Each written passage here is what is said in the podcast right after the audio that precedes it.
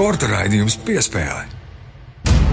Latvijas radio pirmais kanāls, sporta raidījums piespēle, studijā Mārtiņš Kļavinieks un Māris Bergs. Sveiks, Māri! Sveiks, Mārtiņ! Sveicināti klausītāji!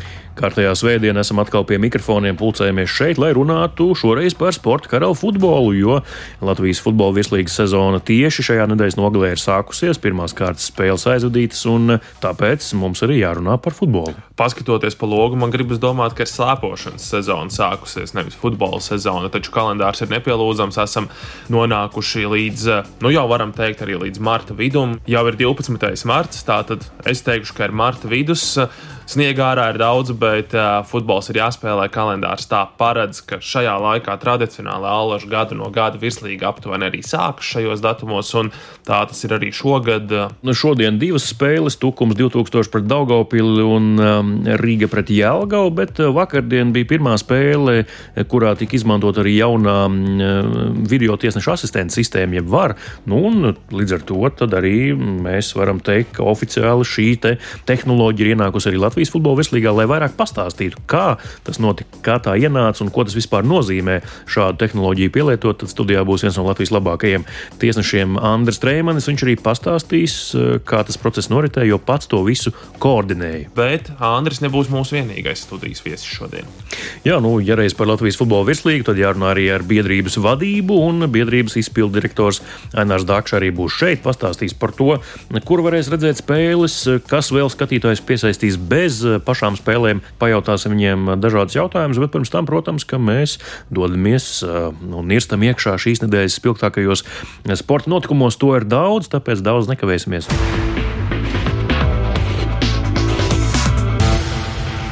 Sāksim. Eh, kā jau tu mājas sacīja raidījuma ievadā, nu nešķiet, ka šis ir tāds piemērots laiks futbola spēlēšanai, drīzāk slēpošanai. Paņemsim slēpes un uzliksim vēl plīnti plecos, jo biatlons arī līdz ar to ir aktuāls šajā laikā. Nu, biatlona jauktā stafeta pasaules kausa Čehijā, Novemesto un Čeku Reku Latvijai bronzā. Andrejs Astargujevs un Baiba Bendika beidzot paveic to, ko droši vien Latvijas biatlona sabiedrība gaidīja jau kopš šīs disciplīnas ieviešanas. Biatlonistiem sezona iet uz beigām, jā, visas lielās galvenās sacensības, jāsaka, tā jau ir aizvadīts. Arī pasaules čempionāts Biatlonā mums jau ir aiz muguras. Taču izskatās, ka Baiba un Andrejs ir labā formā, jo izcīnīt bronzas medaļas jauktajā stafetē ir ātri jāslēpo, bet ir arī jāšauj. Un tiešām beidzot viņi abi vienlaicīgi izdara to, uz ko viņi tik tiešām ir spējīgi. Saliekas visi puzles gabaliņi kopā. Bet tā sezonas griezumā vērtējot un skatoties, šķietami, ka Andrejs ir uh, vienkārši izcilā formā, un, un tas, ko viņš parādīja jau pasaules čempionātā, tas bija um, vienkārši, varētu teikt, neticami. Tīpaši atgriežoties tikai pavisam nesen no mm, pusotra gada ilgas diskvalifikācijas. Labi, ir atpūties, ir sadziedējis visas problēmas un ir atpūties. Spēku sakrājis trasēs un, un nu, tikai var šaut un slēpot. Solis nav vairs tik ātrs trasē, kas Andrijam bija raksturīgi viņa agrīnajos karjeras gados un vēl līdz diskvalifikācijai, bet šaušana ir daudz precīzāka. Bet, ja mēs par to bronzu jauktajā stafetē paturpinām, tad nu, tomēr arī jāizstāsta klausītājiem konteksts. Protams, tas ir labi tas ir motivējoši, tās ir labas emocijas, tā ir medaļa, tas ir simboliski,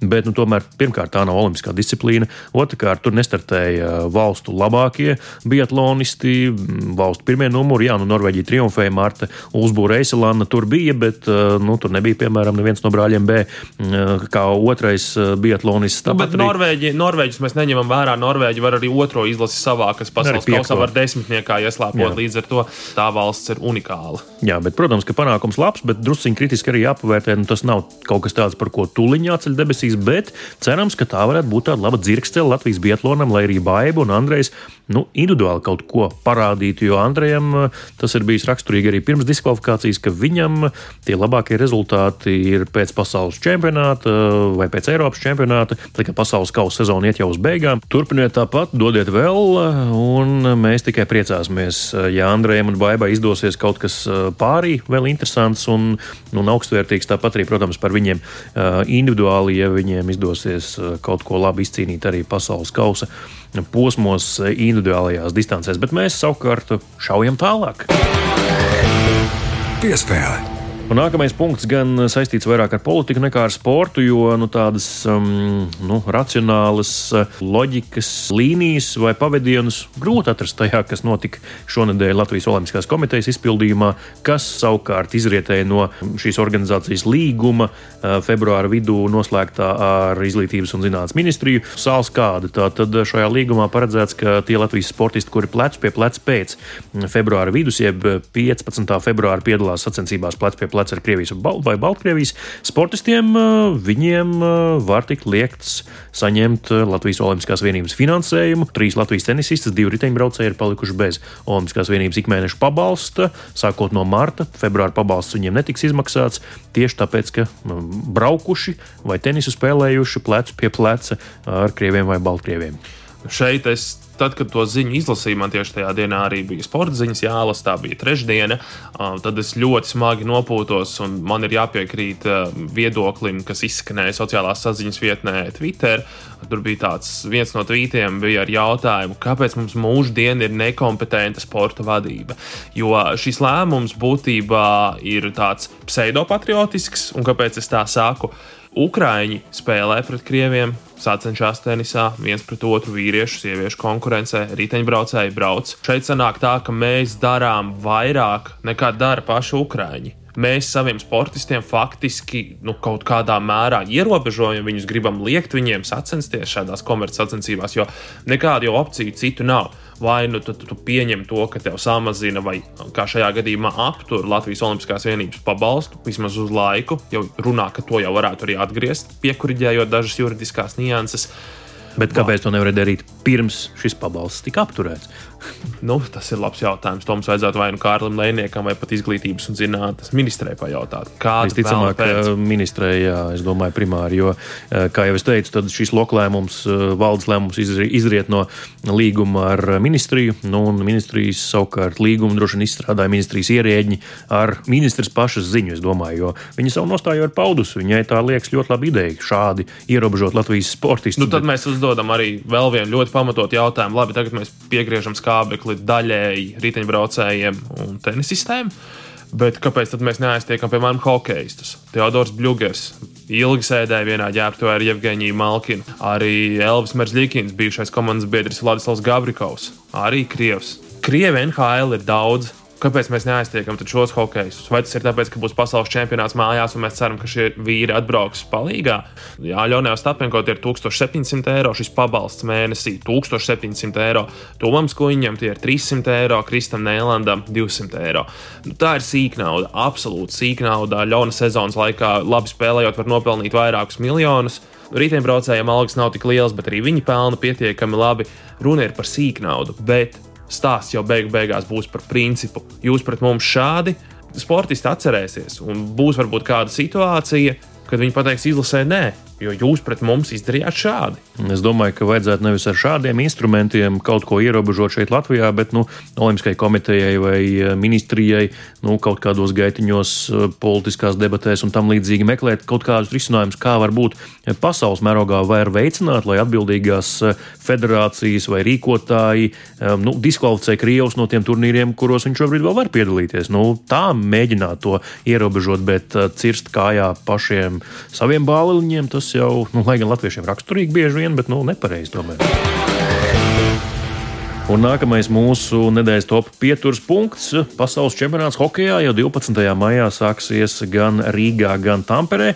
Nu, un, protams, ka lielais jautājums, cik skatītāji tad būs tribīnēs. Jo, kā jau mēs to esam uh, uzsvēruši nereiz vien, biļešu cenas ir augstas, un uh, nu, tikai mazs segments Latvijas iedzīvotāji to var atļauties. Bet cenas pamazām krīt, krīt, un tagad šonadēļ vēl viens jaunums, ka iepērkoties kādā konkrētā lielveikala tīklā, kuru mēs vārdā nenosauksim. Kas ir sadarbības partneris Latvijas Hokeja federācijai? Jā, tur savukārt uh, uz kases čeka var ieraudzīt atlaižu kodu gadu. 15% atlaide. Bija jau misēklis, varam arī pastāstīt radioklausītājiem, kad Hokeja federācijas mm, viens no cilvēkiem mediju tērzētavā nosūtīja atlaižu kodu, kas īstenībā nebija domāts medijiem, bet bija domāts uh, treneriem, uh, bērnu vecākiem, uh, arī biļešu iegādēji par zemāku cenu. Mārtiņ, tu man tagad neļaus samalot, bet pastāsti, ko tev Edgars Buncis teica decembra beigās. Jā, šķiet, tas bija decembra beigās, kad viņš bija šeit pie mums studijā.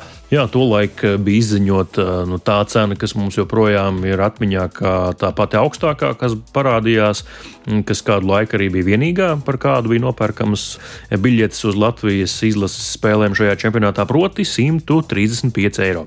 Un nu, to brīdi es arī Edgaram vaicāju, nu, vai nav plānots, ka varbūt kaut kad pavasarī šīs cenas kritīsies, tiks piedāvāts kāds īpašs atlaides, un Edgars teica, nē, mums ir savs biznesa plāns, mums ir jānopelna tik, cik jānopelna, šī ir cena, ar to rēķinieties, pērciet tagad biļetes, lētāk nebūs, jo tad, kā viņš toreiz teica, tie, kas nopirka tagad par lielo cenu, eh, ja pavasarī būs lētāk, tad viņi tiks nostādīti tādā kā muļķu lomā. Nu, bet redz, kā realitāte ir cita. Diemžēl, jā. Skaidrs, ka nauda ir jānopelna, protams, ledus ir jāsaldē, arī halē. Biļetes ir jāpārdod arī tajā pat laikā. Tieši tā, tas nauda ir jānopelna un viss pārējais, bet šeit orkomiteja būtībā atkāpjas pat no saviem vārdiem. Paši atkāpjas no tā, ko viņi ir deklarējuši, ko viņi darīs un kā viņi darīs.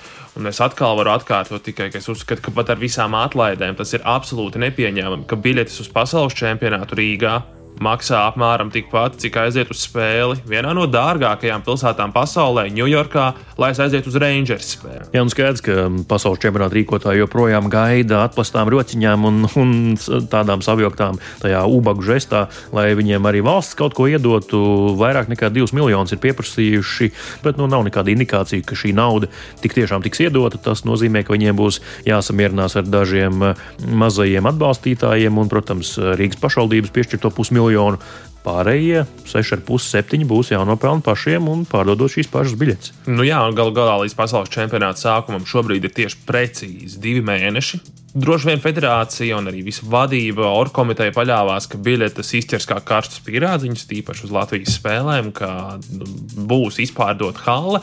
Droši vien, ka beigu beigās arī tā hale būs izpārdota un tribīnas tukšas nestāvēs. Bet tie pierādziņi būs jāieliek mikroņa krāsnī, vairākas reizes jāuzsilda un jāpazemina cena ievērojami. Jā, tieši tā.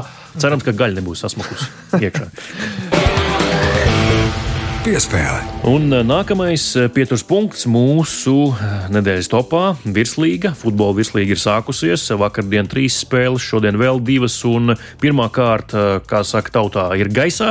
Mārī peripētiju laikam nebija pārāk daudz pirms sezonas, bet bija dažs labs, interesants notikums, vai arī tāds, par kur bija jāsarauc uzacis vai tās jāpaceļ. Nu, pirmkārt, jau Jurmāls Spartaks vairs nespēlē virslīgā. Supernova ieliec pašā pēdējā vilciena vagonā. Interesanti arī gāja čempionai Valmierai ar savu parādu nokārtošanu, gan valsts ieņēmumu dienestam, gan arī dažām labām ārzemju futbola komandām. Tas jau nebūtu Latvijas futbols, ja nenotiktu kaut kas ļoti savdabīgs. Jurmāls Spartaks, tevis pieminētais, piesakās A licencē, lai varētu spēlēt virslīgā priekšpēdējā dienā noledz, burtiski priekšpēdējā. Nākamajā dienā ir jāpaziņo lēmums, kuri klubi ir saņēmuši šo licenci, lai spēlētu. Spārtaks pasakā, ka nē, mēs nespēlēsim. Nu, tas bija tas laikam, tāds interesantākais, viss pārējais tā relatīvi saprātīgi, mierīgi. Par futbolu mēs runāsim daudz arī lielajā intervijā, tāpēc daudz nekavēsimies un uh, tūliņ jau nedēļas top pēdējā pieturvieta.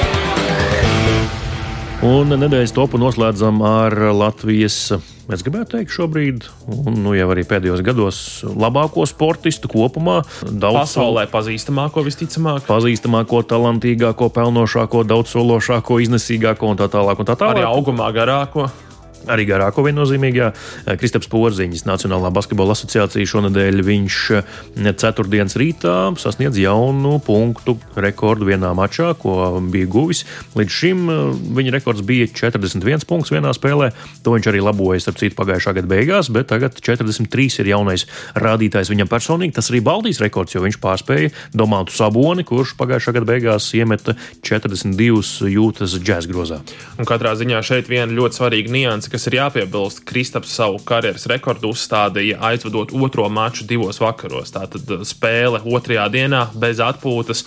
Tas ir varbūt pat vēl vairāk ievērības cienīgi, jo tomēr pirmā spēle, kur tu nospēlē 32 minūtes laukumā, uzreiz nākamajā vakarā nākamais mačs 43 punkti. Super. Pats gan intervijā pēc tam atzina, ka viņam uh, tieši vairāk palīdz šādas otrās spēles, otrajā dienā pēc kārtas, jo viņš labāk jūt savu ķermeni, iejūtas ritmā un vienkārši spēle labāk aiziet. Kā man gribētos pieskarties tieši Kristapa kontekstā, ir sezonas beigas NBA, nu, regulārās sezonas beigas, tādā izpratnē, tur apmēram 20 spēles, pat mazāk paliek līdz regulārās sezonas beigām. Un Kristaps joprojām spēlē ļoti augstā līmenī, stabili augstā tiešām līmenī. Izlaidis ļoti maz maču arī sezonā. Tieši tā, arī tas Šķiet vismazāk vispār savā NBA karjerā līdz šim. Tieši tā, kaut ko Vašingtonas ārsti ir atraduši, kā viņu uzturēt formā. Lai spēlē, to mēs novēlam, un lai varam ziņot vēl par kādiem jauniem punktu rekordiem, kas zina, kur tā latiņa apstāsies un cik augstu viņš vēl var uzliekt tieši punktu gūšanas ziņā vienā mačā, bet eh, mēs eh, dodamies tuliņā pie lielās intervijas. Sporta raidījums piespēlē. Pirmā kārta jau norit šonadēļ Latvijas futbola virslīgā, un tāpēc mums studijā ir Latvijas futbola virslīgas izpilddirektors Ainārs Dārkšs. Sveiks, Ainār! Labdien! Un arī aktīvs futbola tiesnesis, bieži dēvēts par Latvijas labāko futbola tiesnesi, arī VAR projekta vadītājs Latvijā Andris Treimans. Sveiks, Andris! Sveiki, sveiki, klausītāji! Kā jums parasti ir šīs pirmās virslīgas dienas un pirmie starti, tie tādi svētki, varbūt paši kaut kā jūtaties citādāk, ja sāks jaunā sezona? Principā, kā jebkurš jauns sākums, pacelājums.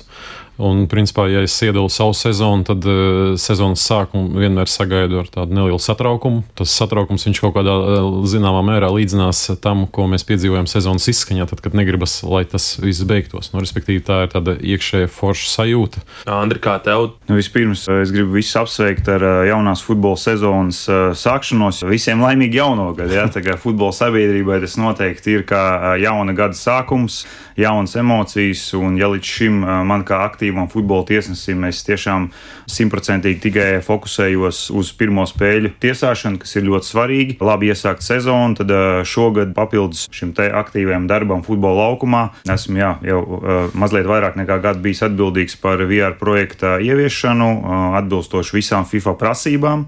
Jā, par virtuālo tiesnešu asistentu jeb var parunāsim, bet Andri, vai kaut kas noteikumu grāmatiņā ir mainījies un tev kā tiesnesim kaut kas jauns ir šo sezonu jāiegaumē vai jāievēro. Vai kāda nianse ir mazliet citādāka šogad? Mēs jau redzējām, klausītāji noteikti vēroja arī pasaules kausa izcīņu futbolā. Pāris divi galvenie jautājumi. Tad pirmais uzreiz manā virzienā vienmēr jautāja par šo kompensācijas laiku. Ja? Tad uz to es gribu vērst uzmanību, ka šogad virslīgā arī no mūsu tiesnešu vadības mēs esam saņēmuši rekomendācijas, ka mēs neko nemainām. Faktiski kompensācijas laiks būs sagaidāms līdzīgi kā iepriekšējās sezonās. Tas, kas attiecas uz pielikto laiku, tad arī pasaules kausā mēs varējām redzēt otru niansu, kas ir mazliet precizējums attiecībā uz aizmugures noteikumiem aizmugures pašos noteikumos izmaiņas nekādas nav veikts. Ir šis te precizējums attiecībā uz to, kad aizsargs apzināti spēlē bumbu. Ja pirms šiem precizējumiem, kas bija pagājušajā vasaras nu, nogalē beigās, faktiski tiesneši uzskatīja par to, ka, ja uzbrucējs ir aizmugurē, viņam tiek dot piespēle, aizsargs veids kaut kādu nelielu kustību bumbas virzienā, un tālāk šī bumba nonāk pie uzbrucēja, tad tika vērtēts šīs aizsarga darbības kā apzināta spēle. Tad šobrīd šādi šādi gadījumi tiks vērtēti kā aizmuguri, jo apzināta spēle ir papildus izskaidrota ar to, ka aizsargam ir jā, jābūt gan laikam, gan iespējai brīvi teiksim, kontrolēt savu ķermeni un jāizdara nu, faktiski tāda apzināta piespēle uzbrucējiem. Un tad tādā gadījumā tiesneša asistenti nefiksēs aizmuguri. Es gribētu teikt, moderna futbola sastāvdaļa VAR sistēma, video sistēma referija ienāk virslīgā. Tas, protams, raisīs gan emocijas, gan diskusiju sezonas gaitā. Jā, kā bija tā dziesmā, arī jauna ēra, jauna ēra. Tā jauna ēra Latvijas futbola no, vislīgā. Jā, nu par to jauno ēru arī, protams, parunāsim, bet eh, tagad atpakaļ pie Aināra. Aināra desmit komandas, otro gadu pēc kārtas. Eh, tas liecina par stabilitāti. Prieks, ka nu, čempionāts eh, turpina startēt ar desmit klubiem tajā, bet tie ir citi desmit nekā pagājušajā sezonā. Tomēr kā tu vērtē šo starpsezonu, kā tā pagāja virslīgas komandām un cik varbūt prognozējami, pragmatiski tas laiks aizritēja? Es domāju, ka ja skatāmies uz desmit komandām, tad mums nedaudz jāpaskatās atpakaļ vēsturē. Tas bija tā sezona, kad mēs uh, inicējām šo virslīgas paplašināšanu, un viens no tiem mērķiem arī bija sasniegt desmit komandu sastāvu, un uh, nu, tādā ilgākā termiņā, lai šis desmit komandu sastāvs arī nu, nostabilizētos. Jo skatoties no mūsu kalendārā plāna, spēļu intensitātes, kas ir svarīgi līdzutējiem klubiem, mūsu izpratnē viņš ir optimāls. Līdz ar to arī visas tās darbības, kas saistās ar principā ar starpsezonu, var teikt droši, ka, ja, ja atskaita to gadu, kad bija šī e, pandēmijas sezona, kad viņa bija ļoti saīsināta un ļoti intensīva, tad kopumā jau tas algoritms e, viņš gadu no gadu tiek saglabāts, un nu, var teikt, ka arī iespēju robežās viņš tiek pilnveidots. Jo skaidrs, ka veidojot un domājot par kalendāru, ietekmē arī kalendārie laiki, svētku laiki, izlošu logi, kas katru gadu ir nedaudz savādāk. Protams, ka arī Eiropas kausa kalendārs. Kas attiecas par pašām komandām, eh, nu, ja mēs skatāmies no darba procesa viedokļa, tieši kādā veidā, kā mēs skatāmies uz sezonu, tad eh, principā ar to, to gadu, kad eh, tika palielināts komandu skaits līdz deviņām, tad mēs strādājam pēc viena modeļa un sezonu mēs plānojam 36 kārtās. Līdz ar to vienas vai otras komandas esība apstiprināšana licencēšanas procesa laikā, viņa varbūt tik ļoti būtiski šo pašu procesu neietekmē jo pēc būtības mēs strādājam ar kalendāro plānu. Un līdzīgi kā tas bija arī šajā sezonā, tātad uh, uzsākot uh, gatavošanos sezonai, plānojot kalendāru jau tieši jau domājot decembrī, jau nu, pirmās mūsu tikšanās un mūsu pārunas, uh, mēs vadījāmies un plānojam pēc desmit komandu skaitliskā sastāva. Vadījāmies pēc situācijas, kas, protams, bija uz to brīdi mums informācija pieejama par tiem klubiem, kas plānoja savu dalību. Un tādā mirklī, kad izmainījās šis skaitliskais sastāvs, nu, mūsu gadījumā bija uzdevums vienkārši pielāgot kalendāru jaunai situācijai. Līdz ar to tātad eh, komunicējām ar Supernovu, kas saņēma šo licenci, un eh, vadījāmies jau pēc izstrādāta projekta. Līdz ar to praktiski var teikt, ka mēs nu, nebijām ļoti atkarīgi vai kaut kādā veidā sasaistīti. Jo principā mēs vadāmies uz to, ka ir jābūt sistēmai, un tad, kad mums, mēs zinām, ka mums ir sistēma, tad arī eh, klubi ļoti labi saprot un izprot arī to savu vietu šajā kopējā sistēmā. Parādās šīs rezerves komandu opcijas, un mēs vairs neesam varbūt gluži tādā situācijā, kas notiks, ja pēkšņi nebūs desmitā komanda, jā, būs deviņas, nebūs. Tomēr pēdējie gadi parāda, jā, ka šīs klubu ambīcijas aug, un mēs to sasaistam nu, ar daudziem faktoriem kā ar prasību izpildīšanu jau redzējām, arī licencēšanas procesā nu, tik gludi nemaz negāja. Vai prasības ir augušas pret klubiem pēdējo gadu laikā? Prasības, nu, droši vien, ka precīzāk tieši par tām sadaļām, kuras tiek izpildītas akreditācijas procesā, jā, tur droši vien būtu jājautā precīzāk futbola federācijas kolēģiem, un viņi droši vien, ka precīzāk varētu arī komuni, nu, no, nokomentēt visu. Bet nu, tās pamatlietas, jā, kas saistās ar sportiskiem kritērijiem, finanšu kritērijiem, jā, sistēma jau saglabājas tāpat, viņa tiek pilnveidot tieši varbūt no no finanšu uh, uzskaites un kontrolas viedokļa, jā, bet, nu, ja mēs skatāmies no infrastruktūras jautājumiem, ir saprotams, ka šobrīd Latvijā infrastruktūras jautājumos, ceļš pēdējā laikā kļūst ļoti aktuāls, jā, būtiskas izmaiņas nav. Andrija, nu, tu kā tiesnesis tiesājot gadu gaitā virslīgu, kā tu redzi, līmenis ir audzis? Pēdējos gados? Nu, virslīga manā skatījumā noteikti ir augusi.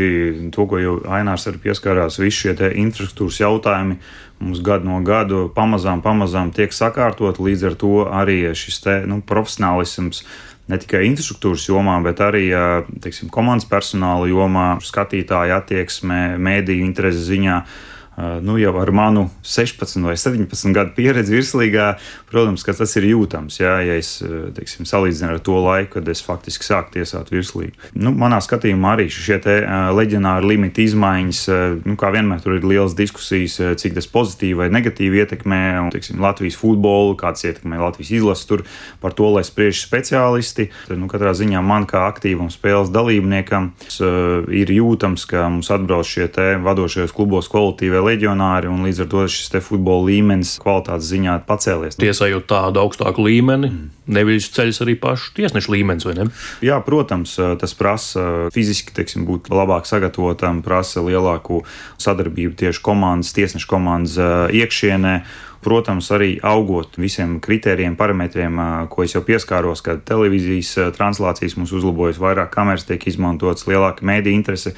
Līdz ar to tiesnešu pieņemtajiem lēmumiem arī ir lielāka nozīme, jo mēs gūstam skaidrs pierādījums tam, ka tiesnesis ir pieņēmis vai nav pieņēmis pareizu lēmumu.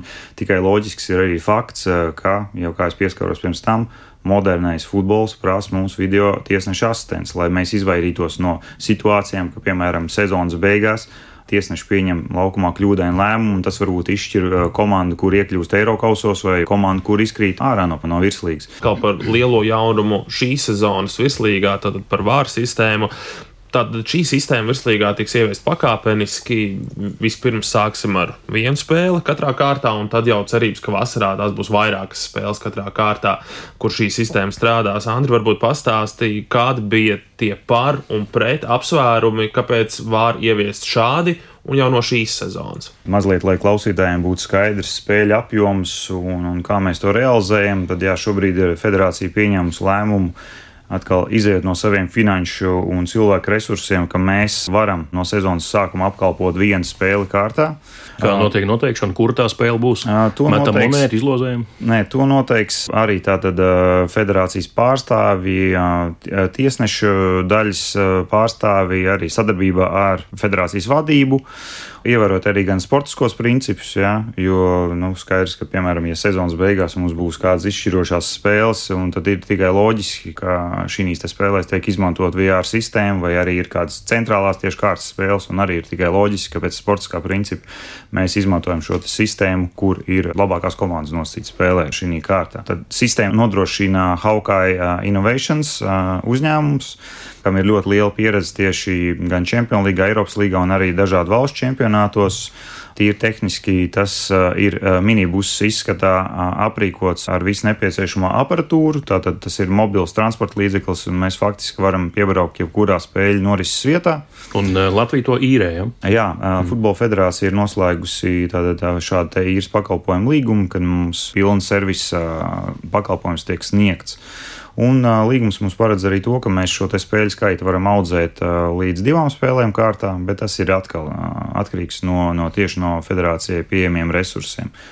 Standarta pakalpojums, so virslīgais sniegtais tiek nodrošināts ar četrām kamerām. Tās tad ir galvenā kamera, tūplāns un divas kameras aiz vārtiem. VR sistēmas izmantošanai mums ir nepieciešams vēl divas papildus kameras pretī uh, soda laukumam, tātad laukuma malās. Lai, un šīs kameras tiek izmantotas arī um, tādiem gadījumiem, lai noteikti bija aizmugure vai nebija. Mums ir tehnoloģija, kas ļauj arī novilkt šīs uzbrucēju un aizsargu līnijas, lai noteikti tātad, šo aizmugures pārkāpumu bija viņš vai nebija. Šis ir tāds lielais, pilnvērtīgais vārds, ko mēs redzam tur Champions līgā, pasaules kausā, Eiropas čempionātā, vai tā ir tāda pamatversija, pamatpakotne bez visādiem papildus tur bonusiem. Pilnvērtīga FIFA certificēta VR sistēma. Tas, ko mēs redzam Champions līgā, pasaules kausā, to, ko mēs redzējām, protams, ka es, es vienmēr salīdzinu to, ka ir automobīlim pamata paka, ja, un mēs varam iepirkt klāt dažādas ekstras. Līdzīgi ar šo sistēmu arī, ka mēs šobrīd, protams, Mēs izmantojam. tagad braucam ar bāzes modeli. Mēs braucam ar bāzes modeli, bet bāzes modelis mums pilnībā atbilst visām FIFA prasībām. Bet Igauniem ir katrā kārtā, katrā spēlē, vai ne? Jā, viņiem ir katrā kārtā, katrā spēlē, bet tāpat laikā es atkal vēlētos norādīt, ka katra valsts un katras valsts risinājums ir unikāls. Aina, ar, noteikti ar sadarbības partneriem, televīzijas translāciju nodrošinātājiem esat runājuši, kā tas viss tiks atspoguļots televīzijā. Varbūt var pastāstīt, nu, kā mēs, kā skatītāji, televīzijā redzēsim šos te vāru sistēmas darbības, augļus, leņķus, zīmējumus, kur bija tur aizmugure, nebija aizmugure. Es domāju, ka manā Andrēs neļaus samelot, ka redzēsim mēs jau aptuveni tādā pašā veidā, kā mēs esam to pieraduši darīt visos pārējos čempionātos, par ko Andrēs minēja. Tas, kas vienīgā šajā gadījumā tā ir tā atšķirība, nu, tas ir tā saucamā bāzes versija, jo viņa ir bāzes versija nu, savā aprīkojuma ziņā, tāpat arī izējot no tām iespējām, cik mēs daudz varam nodrošināt kameras un cik tiešraidi. Respektīvi, tātad, nu, šobrīd mēs runājam par šīm sešām kamerām, bet, nu, tad, kad mēs kā skatītāji skatīsimies televīzijā, mēs redzēsim to pašu. Tātad klasisko varu lodziņu, informācija no varu telpas un konkrēto situāciju, kas tiks izanalizēta. Vizuāli es domāju, ka lielas starpības nebūs. Jā, daļa no visa šī procesa, tātad, kā jau minēju, ir, protams, infrastruktūra un tehniskā puse, bet otrs ir arī paši cilvēki, tiesneši, kas to visu dara. Un tiesneši bija jāapmāca, lai ar šo sistēmu strādātu. Andri varbūt ieskicē, kas tad ir tās lietas, kas tiesnešiem bija jāapgūst, lai varētu strādāt ar vāru sistēmu. Tātad pagājušā gada nogalē, novembra beigas, decembris, faktiski mēnešu garumā virslīgas tiesneši, daļa no virslīgas tiesnešiem, astoņi tiesneši un astoņi asistenti izgāja šo pilnvērtīgo apmācību. Pilnīgi visa tiesneša grupa mums nav certificēta darbam ar VAR, tāpēc eh, ar, atkal eh, līdzekļu ierobežoto pieejamības dēļ mums nebija iespēja apmācīt pilnībā visus virslīgas tiesnešus, bet šobrīd mēs strādājam pie tā, lai uh, pilnīgi visi tiesneši un asistenti būtu VAR certificēti, ka mums ir jau plāns. Tātad mēneša garumā tiesneši divas nedēļas nodarbojās VR simulatorā. Klausītājiem, lai saprotamāk šī VR darba stācija kurā uh, tiek rādīti video klipi, uh, spēles epizodes no, no dažādām spēlēm, no čempionātiem, uh, uz, uz kurām tātad uh, šie te tiesneši veids treniņu nodarbības. Ja, tad meklē, skatās, vai ir pārkāpums, nav pārkāpums, zīmē aizmugures līniju, sadarbojas ar, ar laukuma tiesnešiem. Komunicē ar viņiem teiksim, tādā nu, pareizā veidā, kā tas ir nepieciešams. Tātad pēc šīm simulātoru nodarbībām mums arī ir praktiskās, eh, notika praktiskās nodarbības Olimpiskajā sporta centrā Rīgā, futbola laukumā slēgtajā, veids šo eh, praktisko iemaņu attīstīšanu un iegūšanu. Šie Bet... tiesneši tātad ir, viņi ir certificēti strādāt ar šo sistēmu, gan atrodoties laukumā, tiesājot spēli, gan arī sēžot šajā busiņā un esot tie vārtiesnešiem. Respektīvi, tie ir vieni un tie paši cilvēki, tie, kur tiesā laukumā, tie būs arī vārtiesneši. Nav apmācīti jauni tikai vārtiesneši. Tieši tā. Mm. Tātad tie ir faktiski visi tiesneši, ko jūs esat redzējuši iepriekšējos gados virslīgā. Viņi ir izgājuši šo apmācību, un viņi var darboties VR telpā kā VR vai, vai VR asistents ir kaut kādi vēl cilvēki, kas ir nepieciešami šim mobilajam punktam, šim busiņam bez tiesnešiem, kas tur sēž iekšā. Šoferis varbūt, kas viņus aizvers līdz stādījumam, lai, lai tomēr nenogurs, nu, nezinu, līdz Daugavpilu vai uz Liepāju, kad ir spēles, tur jābrauc. VR eh, darba stācijas eh, brigādes sastāv, tātad ir videotiesnesis, VR, ir viņa asistents AVR un ir eh, atkārtojuma operators. Tad atkārtojuma operators ir tas cilvēks, tehniskais cilvēks, kurš labi orientējas video materiālu, teiksim, tur tīšanā uz priekšu, uz atpakaļ, jo VR busiņā šajā darba stācijā tiks saņemti visi kameru signāli, kurus tātad producē sporta centrs. Un papildus šīs divas kameras, arī, kas mums ir novietotas 16 metriem. Līdz ar to šis operators palīdz video tiesnešiem izvēlēties pareizos uh, video momentus, patīt uz priekšu, uz atpakaļ, piezūmot. Tad uh, at, at, vēl ir ceturtais cilvēks, mums tehniķis, kas faktiski nodrošina šī busiņu darbību. Un tad mums vēl jūs redzēsiet vienu cilvēku pie laukuma malā esošā tiesnešu monitoru, kurā vietā ir šī zona, kur tiesnesis jā, ir pieņēmis laukumā skaidri redzamu kļūdu, tiek aicināts, lai vēlreiz izvērtētu šo epizodi. Jā. Kā tad beig beigās būs ar translācijām? Ja netiekam uz stadionu, nevaram aizbraukt kādu iemeslu dēļ, kur mēs varam televīzijā skatīties šo sezonu virslīgu? Mēs pirmām kārtām redzam ļoti daudz un labus iemeslus, kāpēc nākt uz stadionu, jo šī gadījumā VR darba novērtējums un apskatīt, kā tas notiek praksē, tas arī ir ļoti labs iemesls, lai atnāktu uz spēli. Bet, ja tomēr nesanāk, tad, protams, ka mūsu partneris Sporta centrs TV4 tiešraidēs sekot var vienmēr līdzi. Eh, šobrīd arī mēs esam izveidojuši jaunu mājaslapu un ir iespēja sekot līdzi visām spēlēm eh, tiešraidēs arī mūsu mājaslapā. Jā, vai Latvijas televīzijā kaut kādā sezonas brīdī parādīsies spēles, ko mēs allaž redzam, ka agri vai vēl sezonās, bet spēles tur ir. Mūsu iepriekšējo gadu pieredze balstās uz to, ka Latvijas televīzijā mēs eh, rodam iespēju šīs spēles translēt tad, kad jau tuvojas izšķirošie noteikumi, un principā mēs runājam par ceturto apli.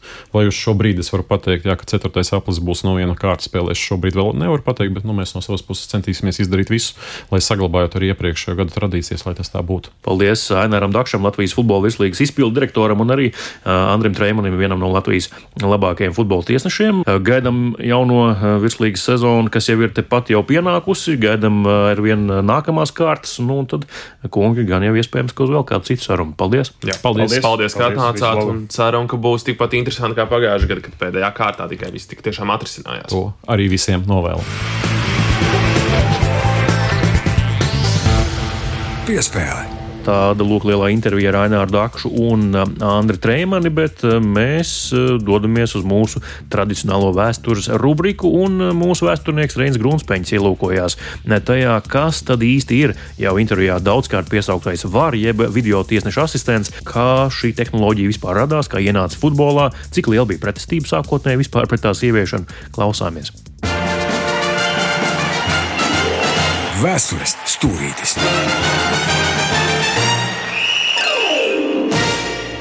Video tiesneša asistenta vēsture futbolā ir salīdzinoši īsa.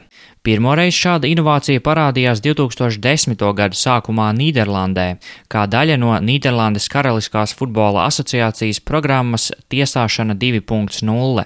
Šīs pašas programmas ietvaros pirmoreiz parādījās arī vārtu līnijas tehnoloģija, kas starptautiskajā futbolā tika ieviesta vairākus gadus pirms VAR sistēmas. Tieši Nīderlandes augstākajā līgā VAR pirmo reizi tika izmantots praksē vairākās izmēģinājumu spēlēs 2012. un 2013. gada sezonā. VAR koncepts dzīvē izrādījās veiksmīgs, un jau 2014. gadā Nīderlandieši vērsās pie Startautiskās futbola asociācijas valdes, jeb organizācijas, kas nosaka spēles noteikumus futbolā, ar lūgumu ieviest jaunās sistēmas izmantošanu un izmēģināt to plašākās pārbaudēs. Tomēr bijušais FIFA prezidents Zeps Blaters uz jauno inovāciju raudzījās negatīvi, tāpēc sākumā tā neguva lielu atsaucību, līdz brīdim, kad pats Blaters 2015. gadā atstāja prezidenta amatu korupcijas skandāla dēļ. Viņa vietā nākušajam Gianni Infantino bija gandrīz pretējs viedoklis, un 2016. gada vasarā šī sistēma pirmo reizi tika izmēģināta pārbaudas spēlēs. Pamatojumu VAR sistēmas ieviešanai skaidri formulēja Startautiskās asociācijas sekretārs Lukas Bruts, kurš sacīja, citēju, tā kā šodien stadionā ir pieejams 4G internets un Wi-Fi, mēs zinājām, ka mums ir jāaizsargā tiesneši no kļūdām, kuras visi var redzēt uzreiz, citāta beigas. Spilgtākie piemēri bija slavenais Francijas un Īrijas izlašu mačs, kurā, pateicoties papildlaikā gūtajiem vārtiem pēc Thierry Henry spēles ar roku, Francija kvalificējās 2010. gada pasaules kausam, atstājot īriju bez fināla turnīra, kā arī Franka Lamparda neieskaitītie vārti pret Vāciju 2010. gada pasaules kausa astotdaļfinālā.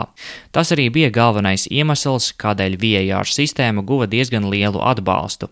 Tie bija nopietni gadījumi, kurus varēja viegli novērst ar video tiesneša palīdzību, sacīja Lukas Bruts. Pirmā pārbaudas spēle ar video tiesneša asistentu notika 2016. gada jūlijā starp divām Eindhovenas komandām - PSV un FC Eindhoven. Savukārt izlaša futbolā sistēma debitēja septembrī pārbaudas mačā starp Franciju un Itāliju. Nīderlandes kausa pirmās kārtas duelis starp Amsterdamas Ajax un Vilem Tvei komandām 2016. gada septembrī kļuva par vēsturē pirmo oficiālo maču ar VAR sistēmas palīdzību.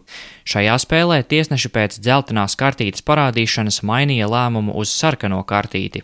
Lēmums tika pieņemts balstoties uz VAR, taču neizmantojot laukuma malā esošo monitoru.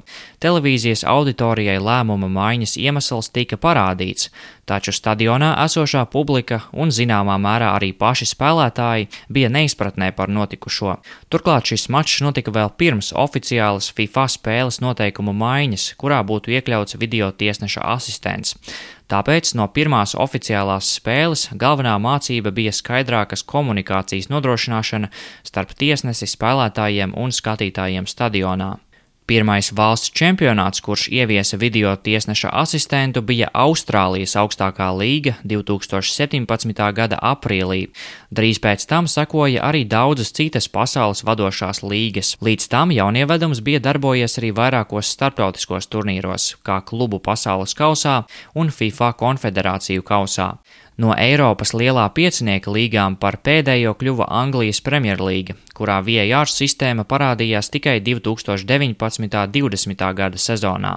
Jāpiemin, ka šo sezonu Anglijā tā ir plaši kritizēta ne tikai tādēļ, ka pēc gūtajiem vārtiem mazinās līdzjutēju emocijas, jo vārtus bieži vien neieskaita un atkārtojumu izskatīšana var ievilkties, bet arī tāpēc, ka tik un tā tikuši pieņemti vairāki kļūdaini lēmumi.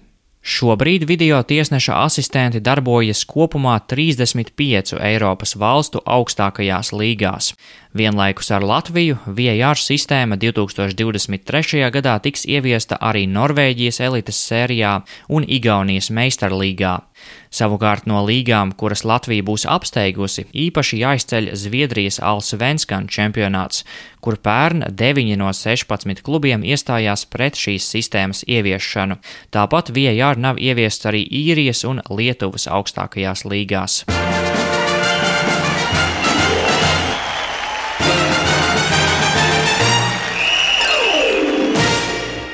Latvijas radio pirmais kanāls, sporta raidījums piespēle studijā Mārtiņš Kļavinieks un Mārs Bergs. Līdz ar to arī šim raidījumam liekam punktu par futbolu parunājam daudz un dikti, un tagad tikai atliek skatīties spēles, jo, kā jau uh, vēlreiz sacīsim un atgādināsim, Latvijas futbola virslīga ir sākusies. Turpināsies līdz novembrim. Mēs būsim atpakaļ pie mikrofoniem šajā pašā vietā, šajā pašā laikā, jau precīzi pēc nedēļas ar jauniem tematiem. Tiekamies! Vislabāk! Sporta raidījums piespēlē.